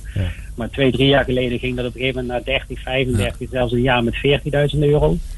Ja, dit jaar is het eh golftoernooi helaas niet kunnen doorgaan, maar hebben we toch uiteindelijk, doordat we ja, gewoon een aantal hele goede sponsoren hebben, ehm, 20.000 euro bij elkaar. En die zijn vandaag voor een deel uitgereikt. En morgen gaan we nog een aantal goede doelen bezoeken. Dus ehm, Ja. op die manier. Ja, heel gaaf. Eh, heb je daar nog, eh, ook nog wensen in, eh, Erik? Waar je nog verder naar, wil je dan nog verder uitbouwen? Behalve een heel succesvol golf-event op Horrispel? Nou ja, ik, ik denk dat het wat we al hebben neergezet, we, we hebben al meer dan drie ton aan, aan goede doelen kunnen weggeven. Ik denk dat het mooi is dat je negen mannen bij elkaar krijgt. Ja. Eh, er zitten een paar Duitsers bij, België, een Zwitser, een Oostenrijker, een paar Nederlanders. Je gooit die mannen bij elkaar die het hebben. Een hele leuke dag eh, om dat aan goede doelen eh, uit te geven. Ja, als je, als je dan bij die projecten komt, en dat doen we echt. Wij, wij gaan naar de projecten en we willen voelen wat er leeft. Ja, da- dan zie je de smile op het gezicht van die kids weer terugkomen. Of het nou gehandicapte kinderen zijn of weeskinderen. Of waar we ook maar kunnen helpen. Of zoals morgen Roberto en ik naar een project voor, voor blinde kinderen. Ja, dan is het heel mooi om dat eh, begin december, of nu zijn we dan iets later in het jaar, eh, te- te kunnen overmaken. En dat je daar iets mee doet. Want wij hebben het goed. En we kunnen dan iets doen waardoor anderen het ook goed krijgen. En, en ja, ik- nemen is heel leuk, maar geven is nog veel leuker. Ja, mooi. Ja, heel goed. Er is wel niks tegen in eh, te brengen. Eh, precies wat je eigenlijk eerder ook al zei, dat alle topspelers, eh, topsporters, die hebben een eigen stichting. Nou, daar hoor jij, horen, jullie, horen jullie dus ook bij. En dat is alleen maar goed om te horen. Ja, wij zijn spelertjes, hè, Roberto. Ja, precies. Mooi. Hey Roberto, dankjewel. Leuk dat je even eh, wilde inbellen om even mee eh, te praten. Een heel, heel mooie eh, stichting even weer toe te, toe te lichten. Is er trouwens nog iets wat ik moet weten over Erik in de kleedlokalen of zo voor de rest van de uitzending? Nou, dus nou, nou zet je me voor het Ja, sorry. Ah, ik dacht ik moet nog iets Nee. sappigs hebben of zo, maar was hij altijd Ja, zeggen, rolmodel. Wij zijn, wij, zijn, wij zijn altijd hele keurige jongens. En ik heb hem natuurlijk maar twee jaar meegemaakt. Dus ja, over al die andere jaren kan ik niks zeggen. nou, dat lijkt me een hartstikke goed, eh, goed antwoord. We gaan weer wat eh, muziek draaien. Leek me wel toepasselijk. Heroes van David Bowie, want dat zijn jullie eigenlijk wel als je zoveel geld weet op te halen voor het goede doel. Eh, Roberto, dankjewel. Dankjewel. Jullie Hoi. nog een fijne uitzending. Dankjewel.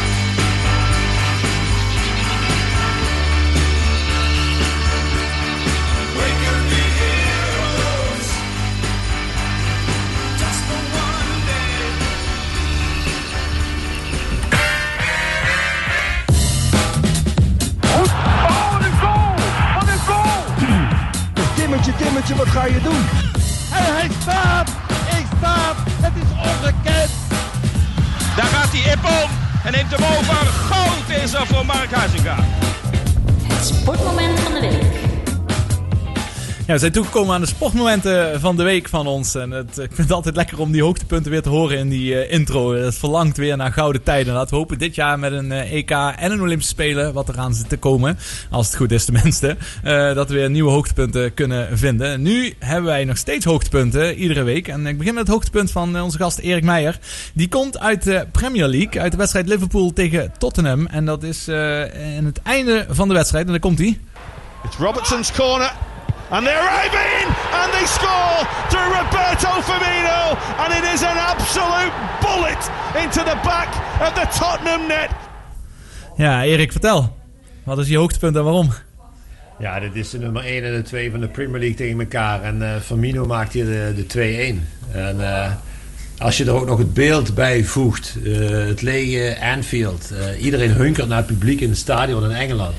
Het, het verslag van de, van de mensen bij de televisie heeft ook een beetje een, een, soort eh radiokarakter, vind ik, in Engeland. Ze gaan er echt helemaal in mee. En ja, ik vind het zo mooi gesproken. En, en in deze scène zie je Firmino eh, vanuit de linkerkant van het stadion naar de rechterkant van het stadion eh, rennen. Want op de kop zitten 2000 fans. Er mogen 2000 mensen naar het stadion tegenwoordig in Engeland. Oh, wel, oké. En Er zaten er 2000. En de hunkering naar een vol Anfield is zo aanwezig. Niet alleen bij de fan, maar ook bij de spelers. En eh, ja, hij gaf dat kleur door eh, over de middellijn te sprinten. En naar die fans eh, te juichen en omhoog te springen. Ja, dat was voor mij het moment. Ja, gaaf. Maar die hunkering naar het publiek is precies wat je zegt. Hè? Als je nu die eh, Champions League wedstrijden eh becommentarieert of analyseert. ehm, hoe, hoe erg is het ook voor de, de kijker of voor de analist om het publiek te missen? Ja, het, is heel vreemd om dit soort wedstrijden met commentaar te voorzien. Eh, ja, je, je mist het gewoon. Ik, als je vleesliefhebber bent, dan wil je geen vleesvervanger eten. Maar dan wil je vlees eten. Dat is nou eenmaal zo. Ja. En eh, d- d- er is niks. Nee, Het is ja, is leeg. bier of geen bier. Ge- Geen alcoholvrij bier. Inderdaad. Maar die 2000 man. Ja, die geven wel iets van eh, sfeer. En als dan You Never Walk Alone wordt gespeeld, akoestisch, hè, dan Ah, zingen ze dus jongens? gewoon alleen. Zij zingen alleen. Dat is wel gaaf. Ja, dat, dat geeft wel weer dat kippenvel Mooi. het momentje. Maar dat wil je dus gewoon horen uit 50.000 kelen. Ja, En niet uit logisch. 2000. Ja. Wie weet, hè? in de toekomst. Gaat zeker komen. Ja. Philip. Ja. jouw eh, sportmoment, die zit ook in het eh, voetbal. En eh dan ga ik ook eerst even het fragmentje laten horen. Weggehaald. Nog een kans voor Malasia. En daar is Botteguin. Met afstand de gevaarlijkste aanvaller vanmiddag bij Feyenoord. Dit is kans nummer drie. Maar hij krijgt hem er niet in. Ja, Philip, eh, de wedstrijd tussen eh, Vitesse en Feyenoord. Dit is in de 91ste minuut, maar het ging vooral over de tweede helft. Ja, ik heb eerst met verbazing gekeken naar het missen van de kansen. Maar later werd het een beetje lachwekkend. Om, eh, ik weet niet hoeveel kansen dat ze vanaf drie meter kregen en absoluut niet naar binnen kregen.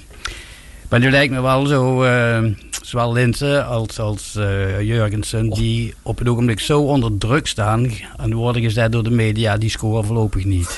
die zijn te gespannen om eh, dat eh, af te maken. Ja, die Jurgensen, hè Erik? Ja, dat, dat is... eh, dat Ongekend. Is, dat hoort natuurlijk ook bij topvoetbal. Ja. En, eh, en zeker ook op dat niveau. Als gauw er druk bij komt. Ik zeg altijd, als er stroom op je voeten komt, dan, dan kun je niet scoren. Dan moet er een bepaalde ontspannenheid in zitten. En eh, dat hebben die jongens op het moment niet. Eh Linsen, onze ja, best, Limburgs beste voetballer. Ehm, ja, die heeft het nu ook moeilijk bij Feyenoord. Bij Vitesse maakt het niet uit of hij scoorde. En Ja. dan scoorde hij dus vanzelf. Precies. En bij Ja. Feyenoord moet, hij Ja, scoren. hij zat er En dichtbij dat- ook in die tweede is- helft. Net langs de paal af. Dikke Ja. kans. Ja, dat hetzelfde geldt Ja. voor, voor Jurgens. Ik vind het een hele goede, goede spits. Maar elke spits is pas goed als er streepjes achter zijn naam staan. En eh, hoe minder streepjes, hoe minder goed je bent. Ja, eens. Heb je ook wel zo'n periode gehad? Ja, die heb je, natuurlijk heb je die ook. Ik had ook graag in mijn eerste vijf wedstrijden bij Liverpool willen scoren. Ook kansen gehad. En als je ze niet verzilvert, dan, eh, dan zijn er anderen. En als die ze wel verzilveren, dan vlieg je uit het team. En dat is eh, topsport, maar daar hoeft ook niemand medelijden mee te hebben, want daar worden we heel goed voor vergoed. nee, eens, uiteraard. Eh, maar Jurgensen, hoe, hoe mooi, ik vind het wel heel mooi, eh dik advocaat. Want hij geeft hem wel echt gewoon de kans. En hij laat hem ook iedere keer nog weer erin staan. Ja, ja dat, dat, dat is wel het vertrouwen wat je krijgt van een coach. Ehm, dat gaat een hele lange tijd goed, maar hij zal wel een keer moeten terugbetalen. En, eh, Want daarvoor is het eh, topsport. Het is niet van eh, we gaan hier even een sociaal Ja. projectje op. Ja, en dat is misschien weer, heeft hij het geluk ook dat advocaat het zijn laatste seizoen is. Misschien iemand die minder tijd heeft of meer die druk voelt, die wisselt wat sneller van spits. Die niet al een tijd droog staat. Ja, of hij ziet dat hij ook in een andere rol buiten het Oké. scoren van belang kan zijn voor de jongens om hem heen. Ja, natuurlijk. Had je het interview trouwens van Dick Advocaat na afloop eh, gehoord? Daar moest ik wel erg om lachen, want eh, hij werd eh, als kritisch eh, benaderd. En hij was een beetje pinnig, hè, dat hij na 26 wedstrijden een wedstrijd ging verliezen. En dat hij de aansluiting met de top aan het verliezen was. En toen zei de, vroeg de, of de, de, de verslaggever, hè, de interviewer, die vroeg aan hem van, ja, wordt de afstand niet te groot? En toen werd hij een beetje kribbig, want hij zei, nou eh, vorig jaar toen we veertiende stonden, hè, toen zei hij hetzelfde, toen werden we derde. Dus ik voorspel je dat we na afloop dichterbij staan dan dat we nu staan. En toen werd hij even geconfronteerd met eh 8-0 van Zweden. En toen kon Dick niet anders dan toch daar enorm om lachen. Ja, ja, je vraagt om mijn mening. Ik voorspel, maar ja, kan wel eens een keer misgaan. Dus eh, dat vond ik wel heel scherp, eh, scherp opgemerkt. En ook leuk om te zien hoe zo'n dik advocaat nog zo ontspannen erin staat. En ook echt een liefhebber is. Ja, het is gewoon een, een- een karakterman, een type. Ja. Zoals we een Maastricht, typische Maastrichtenaar hebben. Ja, eens. die, die iedereen zo kan op, eh, opnoemen. En als je het in de stad ziet, zeg je, ja, dat is er weer. Ja. En dat is dik advocaat in het voetbal. Ja, mooi hè? Het is gewoon een karakteristieke kop. Ik heb hem als coach gehad bij PSV. Ja, het is, het is gewoon eh, op en top eh, voetbal met hem. Hij kan keihard zijn. Maar hij is ook de vaderlijke figuur. En dat, eh, dat is heel mooi. Ja, mooi. Ja, mijn eh, sportmoment is eigenlijk een eh tweeluik in dit geval. Want ik vind het fantastisch om natuurlijk de grootste spelers in hun sport aan het werk te zien. Maar vaak worden ze soms wat berekenend, omdat ze echt een missie hebben. En dan zie je soms niet meer het plezier ervan afspatten. Maar afgelopen week waren er voor mij echt twee momenten waar dat plezier echt helemaal terugkwam. En je zag dat echt liefhebbers zijn. Allereerst, beetje uit mijn eigen sport, Tiger Woods. Die speelde een eh, vader-zoon toernooi, het PNC Championship. Ja, ik heb zijn beelden gezien. Ja. Geweldig. Met zijn 11-jarige zoon Charlie. Eh, Dat was zo ontzettend mooi om dat te zien. Eh, het is een toernooi dat bestaat al lang. Eh krijgt normaal geen aandacht. Maar omdat Tiger Woods natuurlijk met zijn zoon meedoet... stonden alle camera's van de PGA Tour stonden daar. Terwijl normaal is er geen registratie van te zien. Op de driving range werden ze gewoon eh, 15 minuten live uitgezonden. Hoe ze opwarmden. Oefenrondes tot en met tot en met. En het mooie vond ik om te zien hoe hij echt eh, zo samen deed werken met zijn zoon. Hem complimenten gaf. Hem, dus je zag hem genieten, maar ook van zijn eigen spel. En het spel samen met zijn zoon dat te doen. Echt unieke beelden wat mij betreft. Zeker ook als je zo'n Tiger Woods zo chagrijnig vaak ziet. Of in interviews, allemaal berekenend. En ook als je de boeken over hem leest. Dat van ja, Nors persoon dat het buiten de baan is. Naar zijn vrouw toe en alles. En alle ellende die hij natuurlijk allemaal heeft gekend. Om dan eh, hem zo te zien genieten. Dat was voor mij echt een heel, heel mooi beeld eh, was dat. En de tweede persoon die ook de grootste in zijn sport is. Lewis Hamilton. Na afloop van eh, de laatste Grand Prix in Abu Dhabi was eh, Fernando Alonso. Die reed een show, eh, was dat ongetwijfeld, met oude Renault Formule 1 wagen. Met een echte V10 motor nog erin. Dus een heel ander geluid. En Hamilton was op dat moment bezig een interview te verzorgen voor de Engelse televisie. Ja, ik weet niet, dat kunnen we dadelijk vragen hoe je Hamilton ziet. Hè? Maar hij is ook in zijn interviews altijd best wel berekenend. En laat niet echt de achterste van, ton- van zijn tong zien. En opeens kwam die auto met Alonso erin, die kwam langs. En toen zag je opeens weer dat jongetje van Hamilton weer eh, terugkomen. said I'm grateful to be here and give it everything I got tomorrow. And you've got a number of laps to make up for it tomorrow, as you say, to make amends in the race. If you haven't got the greatest car for qualifying, have you got a good one for the race? I, we really don't know. We, we, we didn't get any long runs yesterday. Oh, that sound is just so good, man. I mean, oh, it's the greatest sound of a racing car ever. What? I hate that they got rid of it. um, Ja, mooi hè. Die tranen in zijn ogen krijgt hij gewoon van emotie bij het horen van dat echte ouderwetse geluid. En hij is even eventjes uit zijn rol. Ja, is, is dat niet mooi dat we dat, dat ook kan? Wat Ja. je net zegt, hij is heel berekenend. Nou, volgens mij moet je dat ook zijn in de Formule 1 om, Mhm. eh, om na 15 of 20 jaar nog steeds eh, een microfoon onder je neus te krijgen en nog een antwoord te kunnen geven. Want anders ben je volgens mij dood. Eh, je moet berekenend zijn in de Formule 1. En eh, ja, dat, dat kan hij als geen ander. En ik, ik denk ook dat hij heel erg goed is om zijn privé, dat wat hij privé wil prijsgeven, eh, te blokkeren. En eh, zoals hij een sporter is, zo is hij. Ja, dat is, dat is zijn BV'tje. De Hamilton BV. Met, eh, met de bling bling in de oren, met zijn tatoeages, met de manier waarop hij zich eh, prijsgeeft. Waar hij af en toe zo'n beetje iets laat zien, zien van een feestje of mensen waar hij goed contact mee heeft. Ja, dat is de BV. En hier, bij jouw fragment, ja, dit is de liefhebber. Ja, mooi is dat, Ja. hè? Ja, dat maakt het zo gaaf. Eh, is, is het een sport wat je ook veel volgt trouwens, Formule 1? Ja, voornamelijk door, door Max. Ja. Ik denk dat daardoor eh, ontstaat. S- Sky Sports in Duitsland heeft bijvoorbeeld voor volgend jaar ook de Formule Oh, ja. 1 als enige, RTL niet meer. En ja, dus er zal wel iets meer Formule 1 komen. En ja, het is te hopen dat ze links en rechts zo'n zo'n schroefje uit die Mercedes laten verdwijnen. Zodat, eh, zodat wij ook Max eens wat vaker op het hoogste plateau zien. Nou, Philip, eh, trouwens, wat vind je van eh, Sergio Perez? Dat is eh, natuurlijk het laatste nieuwtje in de Formule 1 als nieuwe teamgenoot van eh, Verstappen. Geen idee, je zal wel geld meebrengen. Hij heeft een rijke Mexicaanse vader. maar eh, toch over eh, Formule Ja? 1 hebben. Ik vond het echt wel opvallend eh, de laatste keer dat eh, Max twee Mercedes'en wegreed. Is dat... ja, toeval kan het niet zijn, maar... Hebben ze hem nu zo goed afgesteld? Of eh, het was is het- Mercedes met een ander plannetje Nou, het was ook geweest? algemeen bekend dat eh, Mercedes niet meer op de hoogste stand eh, geschroefd was, de motor. Dat was echt zo. Dat was al voor de race was dat bekend. En dat had te maken met de houdbaarheid en de duur nog van, van die motor. Dus op voorhand werd al gezegd dat Verstappen goede kans had om in ieder Hmm. geval de Mercedes achter zich te houden. Ja. ja. Dat hebben we in diverse interviews hebben dat, hebben we dat al meegekregen. Ik, zou- ik zou nooit voor zijn leven een wedstrijd ingaan. Nee. Met een halve motor, hè? Een half, half eh, Ja, procentje. nee, daarom. Nee, nooit. Ik vind het Dan raar- ik volle vind het raar, dan, ja. Dan maar niet voetballen. Ja, toch? Mhm. Nou Ja, toch? Ja. Ja. Ah, gelukkig heb je met voetbal gewoon één bal. 22 spelers op het veld en eh, een paar scheidsrechters. En eh daar kan eh, verder een knopje te draaien. niet zo heel veel eh, mechanisch misgaan natuurlijk. Nou, mooi. Dat was een mooi stukje weer. Eh, we gaan weer even naar wat muziek luisteren. I Put a Spell on You van de Creedence Clearwater Revival. En daarna komen we weer terug.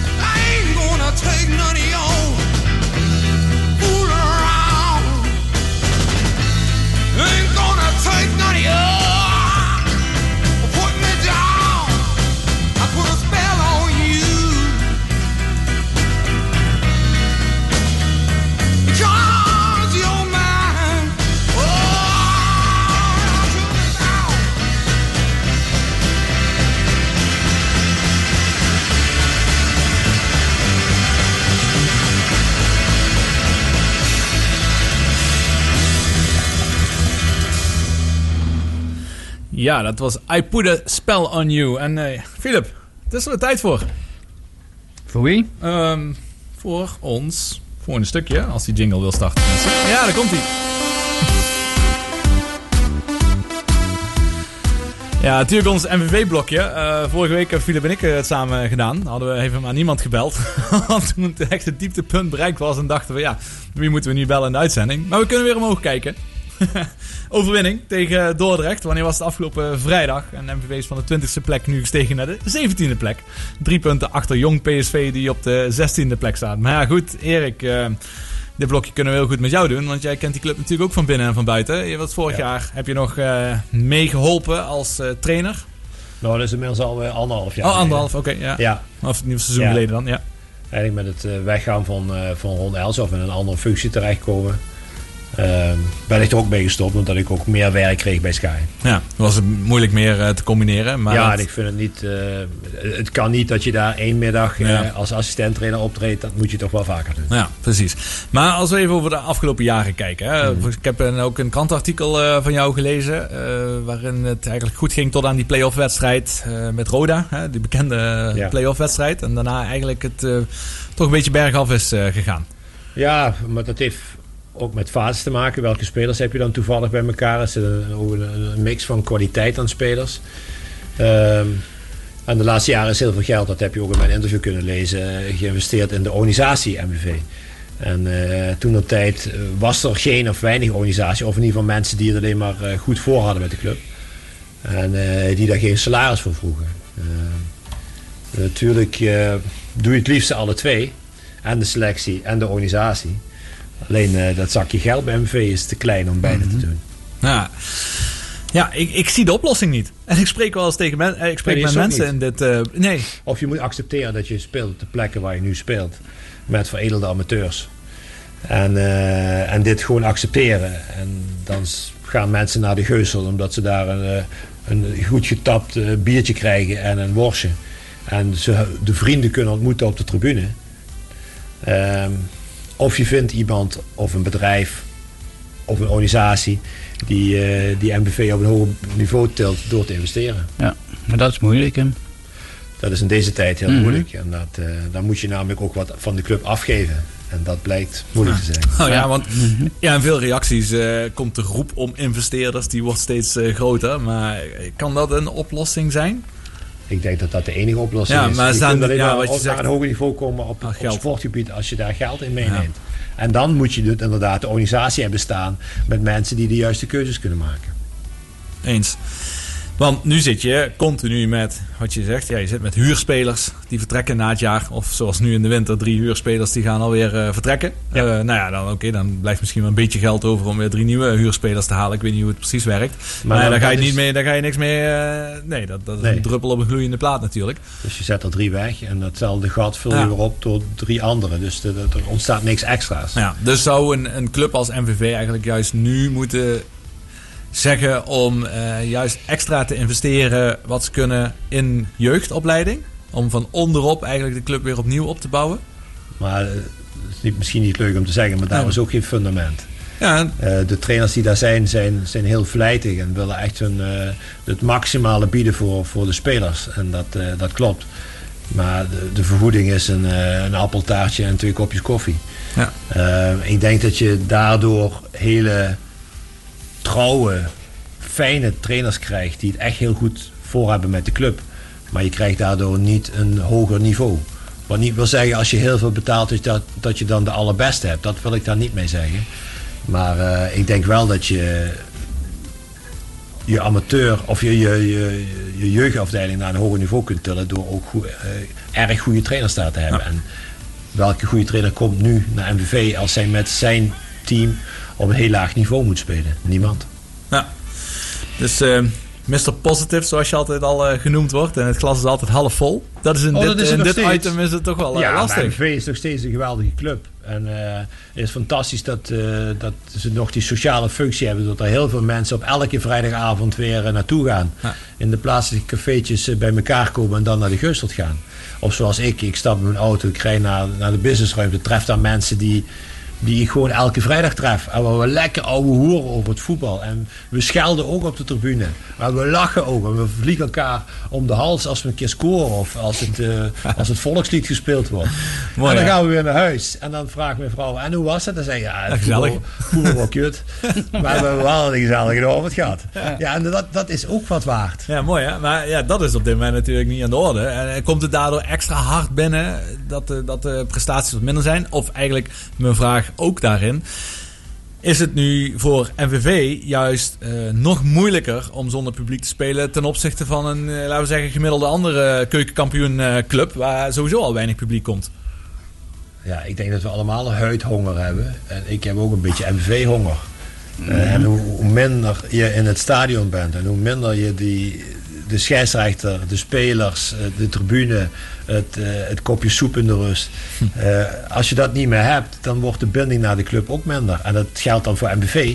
Maar dat geldt ook voor al die amateurclubs en al die mensen die elke dag naar hun amateurclubje gaan in de, in de buurt. Om daar op zondagochtend de derde elftal Ja. te zien spelen. Ja. Of Mhm. ik denk dat het voor jou niet, niet, niet anders is. Nee, klopt. Ja, mooi. Dat is eh, helemaal waar. Dus laten we hopen dat dat eh, binnenkort wel weer eens kan, eh, kan gaan beginnen. Ja, binnenkort. Ik, ik weet het niet. We gaan er geen uitspraken meer over doen. Maar in ieder geval Het kump. allemaal. Het kump. Uiteindelijk kump het weer goed, ja. Dus we hopen dat in de toekomst dat weer beter gaat. Dat we in ieder geval met elkaar weer naar de wedstrijden kunnen gaan kijken. In de tussentijd ja, houden we de uitslagen van MVV nauwlettend natuurlijk in de gaten. En kijken we de wedstrijden. Gelukkig kan het via Fox Sports. Dat is Ja. natuurlijk wel lekker dat dat kan. Dadelijk gaan we weer terug met Erik. En nou, eigenlijk over zijn eh, nieuwe passie spreken betreffende sport. In waar Erik zelf mee bezig is. gonna make a change for once in my life. It's gonna feel real good. Gonna make a difference. Gonna make it right. As I turn up the collar this wind is blowing in my mind. I see the kids in the street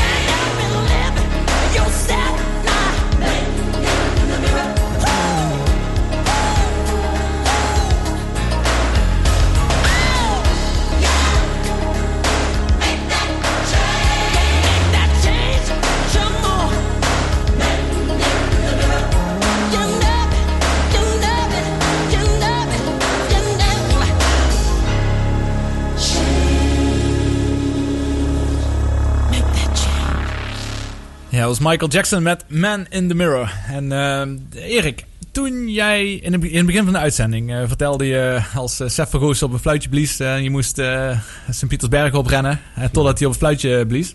Was je toen altijd al eh, de beste betreffende de duursport? Eh, nee, ik denk een van de mannen die voorop liep was altijd uh, Amor Benneker. Dat kan ik me zo'n beetje herinneren. Ja? Maar ik zat eh, wel bij de betere. Oké. Want wat mij, ja, wat ik leuk vind, is dat jij eh, betreffende eigen sport toch wel een flinke omslag hebt gemaakt naar de duursport toe. Ja, ja, dat heeft mijn lichaam ook aan moeten wennen. Eh, maar goed, ik, eh, je bedoelt dat ik een Ja. triathlon... Ja, triathlon. pff, heel serieuze triathlons, hè? Dus hebben we echt over Ironmans hebben we het over. Ja, ja, ik heb daar heel veel plezier in gevonden. Omdat de, de, de afwisseling in het trainen fijn is. En je dat ook samen met anderen kunt doen. Ik, ik train heel veel met, met, met Perry de Jong. Dat is mijn maatje om mee samen te trainen. En we zijn totaal verschillend. Hij verkoopt eh, spijkerbroeken bij Jacket Jeans. En, eh, en ik, eh, ik werk voor de televisie. en ik was voorheen profsporter. En zo proberen we elkaar eh, te helpen om toch door, die, door die uurtjes heen te komen. En het is fantastisch om al die uren op de fiets of eh, in de loopschoentjes of in het zwembad eh, te delen. Ja, maar eh, oké, want die, die, die omslag, hè, ik kan me voorstellen, je bent gewend om in een heel team en een hele selectie altijd samen op te trekken en met elkaar in de bus te zitten. En nu zoek je een beetje de eenzaamheid op. Ja, je zegt je gaat wel Nou, met anderen. Nou ja, kijk, als, als, als sporter of als voetballer probeer je ook het maximale uit jezelf te halen. Dus je bent toch heel veel ook met jezelf bezig. Alleen zo gauw je dan allemaal hetzelfde shirtje aan hebt, dan ben je een teamplayer.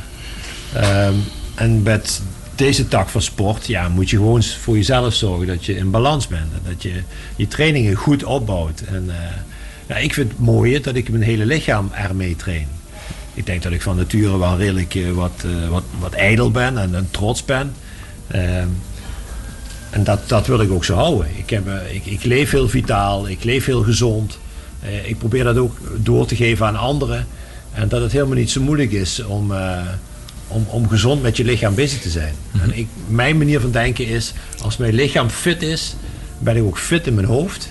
En dan kan ik hele snelle beslissingen nemen als ik mijn analyses maak op televisie.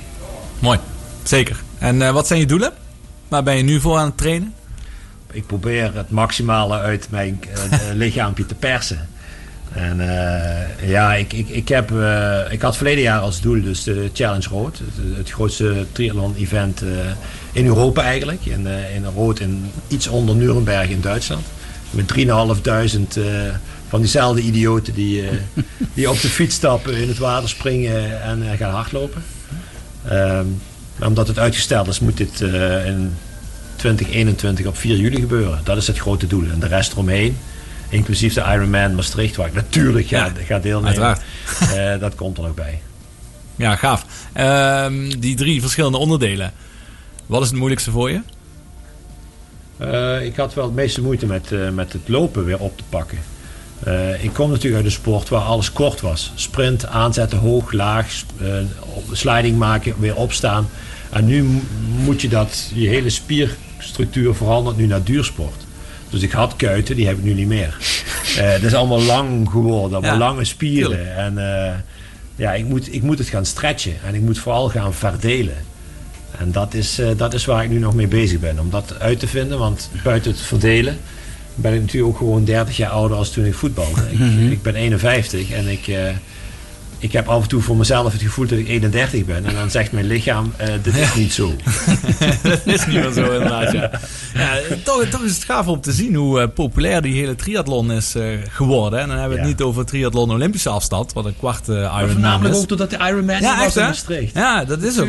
Maar ik heb hier een uitzending gemaakt met Tom Hamakers. Nou, Die heeft hem natuurlijk ook fantastisch gelopen. Dat die is, motiveert. ja, En laten toch de mensen motiveren om bezig te Mooi, zijn, hè? om te gaan sporten, Mhm. om op je voeding te letten, om die luie dikke kondes van die bank te halen en te gaan bewegen. Ik zie zoveel mensen zoveel te dik worden door slecht eten, door veel te weinig bewegen, door stress in het lichaam te pakken. Nee man, je kunt door goed eten en in beweging komen, hadden we veel minder coronaproblemen als dat we nu hebben. Dat is echt waar. Echt Ja. 100% waar. En ik heb nog niet één minister of eh, meneer Rutte horen praten over gezondheid, over gezonde voeding. Hij heeft het alleen maar over injecties en wat we wel en niet mogen. Ik heb, ondertussen heb ik het wel een beetje gehad. Met al dat eh, van bovenaf eh, praten. Praat ook eens over gezondheid, over vitaliteit. Daar heeft geen mensen het over. Verschrikkelijk. Ja, precies. Kun jij trouwens zelf nog... Ja, je geeft op dit moment denk ik niet echt veel presentaties, hè? Nul? Nul, dat gaat ik ben natuurlijk niet. van 100% naar nul gegaan. Ja, dat is ook eh, heftig, ja. Want eh, die, die boodschap, die positieve boodschap, ja, die moet wel uitgedragen worden. Ja, maar alles wat wij horen en zien in de media is Ja. negatief. Ja, Je mag klopt. dit niet, je mag dat niet. Hier gaan de grenzen dicht, daar de klokje. Hier eh, mag je niet bewegen. België, oeh, mogen we de grens over? Mogen we de grens over naar Duitsland? Mhm. Nou, ik, eh, ik ga kijken wat ik wel mag. En weet je wat je mag? Opstaan, je schoentjes aantrekken, gaan wandelen. En als je kan hardlopen, ga je hardlopen. En als je eten moet kiezen, pak je niet een frikadelletje, maar pak je een broccoli. En dat maakt het verschil. En als dat meer mensen zouden begrijpen, ja. Goed. Eens. Ik kan, het niet beter zeggen. Gelukkig, eh, daar zijn we het zeker, zeker mee eens. Dat is een heel goede boodschap om eh, langzaam maar zeker eh, mee te gaan afsluiten. Want het is ongelooflijk. Maar ja, twee uur lang zijn alweer voorbij gevlogen. In ieder geval voor mij. Ik, hoop dat voor jou... gekregen. Ja. Gezonde honger in dit geval. honger, zeker ja, precies. Ik, Erik, dankjewel dat je hier wilde zijn. En twee uur lang weer met passie over sport te praten. Ik hoop dat je het een beetje leuk vond. Ja, zeker. Ook Filip, je moet wel de volgende keer vragen of je iets meer de moord mag hebben. Want die Ja, hij, van je hij vraagt alles wat ik de wil vragen. Hè, dus eh, ik kom daar bij God niet tussen. Ja, je hebt gelijk. Voor, ook ik goed en mooi, hè? Ja, inderdaad. verbeterpuntje voor mij. niet van mij. Verbeterpuntje voor mij, heb je helemaal gelijk in. Eh Philip, volgende week krijg je zeker de kans. Ja, ja. Want dan zijn we met z'n tweeën. dan hebben Mhm. we geen gast, maar dan hebben we een eh, jaaroverzicht van de hoogtepunten van het afgelopen jaar eh, betreffende sport. Eh, dus daar gaan we na- naar uitkijken. Eh, dus Philip, ook jij, dankjewel dat je er weer eh, bij was. Graag gedaan. heb, je, heb je nog een vraag voor Erik? Je hebt nog een minuut de tijd. Nu is je kans. Of gooi, Nou, of ik wilde net al vragen hoeveel eh, tijd besteed je aan, aan je, je duursporten wekelijks? Eh, ja, ik begin nu weer in januari weer met een nieuw schema. En eh, het mooie is dat mijn, mijn collega Wim Düsseldorf dat schema ook maakt. Dus dan weet je ook dat het een strikt Ja. en juist schema is. en eh, ja, dat verschilt. Ik begin met een uurtje of tien. En in de max zit ik tussen de 20 en de 25 uur. Mhm. Met, maar wel nog steeds met heel veel plezier. Als, als ik begin te trainen en ik heb er geen plezier meer dan stop ik er meteen mee. Ja, tuurlijk. Ja, nou mooi. Goed, allemaal eh, uh, dankjewel weer voor het luisteren. Veel plezier dadelijk eh, met de mannen van Café Usmestreeg. Aflevering 500 en? Ja. Hoeveel? 510 zitten jullie ondertussen ook, denk ik. Nou, in ieder geval is dit aflevering eh, Ah, A509 hoor ik op de achtergrond. Heel goed. Wekelijks zijn ze hier, eh, Erik. Al meer dan tien jaar lang. Dat vind ik ook echt een prestatie. Ik zeg het iedere week weer eh, bij de afsluiting. En van ons was dit eh, aflevering 10. Dus bedankt voor het luisteren en graag weer tot volgende week. En dank aan mijn gasten Philip en Erik natuurlijk.